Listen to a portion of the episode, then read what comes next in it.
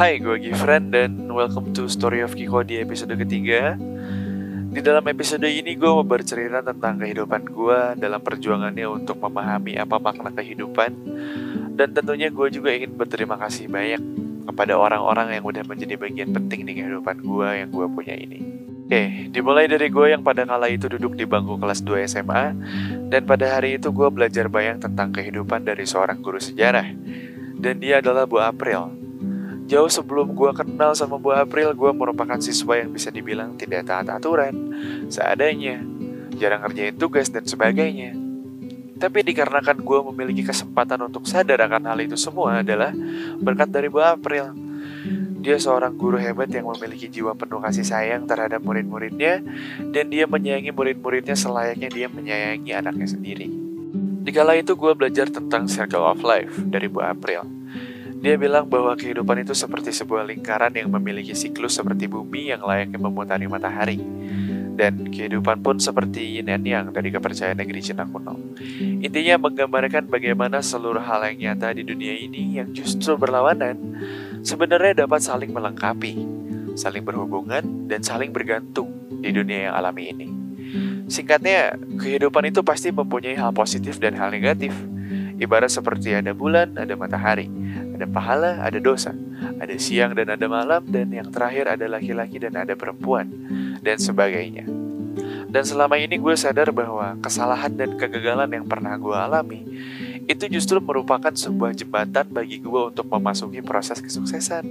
Bu April juga menjelaskan bahwa era Golden Age dan The Dark Age itu berlaku di dunia ini. Jadi intisari dari semua ini adalah kalian tidak akan pernah luput dari kesalahan. Karena tanpa kesalahan, kalian tidak akan pernah belajar. Dan jangan pernah berhenti untuk belajar. Bagi kalian yang mungkin sekarang lagi ngerasain tekanan realita yang menguras energi kalian, gue cuma ingin sharing sama kalian bahwa kita tidak ditakdirkan untuk selamanya ada di bawah. Good things will come, mau cepat mau lambat, itu semua akan datang sama kalian. Layaknya bulan berganti ke matahari dunia tidak selamanya malam dan tidak selamanya siang. Jadi kalau misalkan kalian merasa bahwa keburukan itu sedang terjadi di kehidupan kalian, kamu perlu percaya bahwa kebaikan itu akan perlahan hadir setelah keburukan. Oke, dan itu semua merupakan ilmu yang gue peroleh dari Bu April. Oh ya, gue juga mau cerita sedikit dan singkat mengenai profil Bu April di sesi podcast kali ini. Jadi awalnya gue bisa bertemu sama Bu April itu pada saat gue duduk di kelas 1 SMA dan pada hari itu dia seorang pengawas ya di ruang ujian gue. Dan gue juga bisa bilang bahwa Bu April itu tegas parah Demi Allah. Dari cara dia ngomong itu lantang banget. Dan jujur first impression gue terhadap dia itu Dia itu seorang guru killer. Pokoknya galak parah. Dan terlebihnya lagi Gue tuh sempat nyontek di saat ujian Yang waktu itu pengawasnya Bu April Nah pada kala itu gue nyontek tuh pakai HP tentunya Dan gue keciduk tuh sama Bu April Nah dengan gue yang panik, akhirnya gue memutuskan untuk nyari alasan nih supaya nggak ketahuan nyontek. Gue bilang sama Bu April kalau HP gue tuh tadi ada alarm yang perlu gue matiin karena berisik kan. Dan akhirnya HP gue diambil sama Bu April dan gue sama sekali pada akhirnya sama sekali nggak ketahuan nyontek. Gue tahu ini kedengarannya konyol tapi itu cerita fakta. Gimana untuk pertama kalinya gue berinteraksi sama Bu April. Dia merupakan seseorang yang gue anggap sebagai salah satu perempuan terkuat di bumi ini. Semoga kebaikan yang dia berikan kepada orang-orang nantinya akan datang berbalik. Gue mau mengucapkan terima kasih bagi orang-orang yang udah mengubah kehidupan gue menjadi lebih baik dari sebelumnya.